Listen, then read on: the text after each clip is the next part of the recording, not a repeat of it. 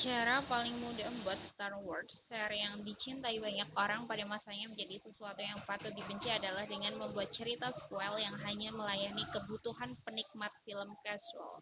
Artinya, film tersebut dibuat bukan untuk fans setia Star Wars yang telah ada sebelumnya, dan kedengarannya nggak masuk akal bukan? Apalagi mengingat film sequel ini dibintangi nama-nama artis besar yang telah membintangi Star Wars versi original. Terdapat dua filosofi berbeda yang dianut oleh Abraham dan Johnson. Keduanya sama-sama tidak memuaskan bagi para fans setia Star Wars. Di satu sisi, Abraham memiliki strategi yang buruk, dan di sisi yang berikutnya, eh, dengan mencontoh formula yang telah diceritakan sebelumnya pada trilogi original tanpa ada perubahan apa pun dalam film The Force Awakens, Sekalipun langkah yang dilakukan oleh Abraham baik untuk nostalgia, namun dari segi kelanjutan cerita, Abraham tidak menawarkan sesuatu yang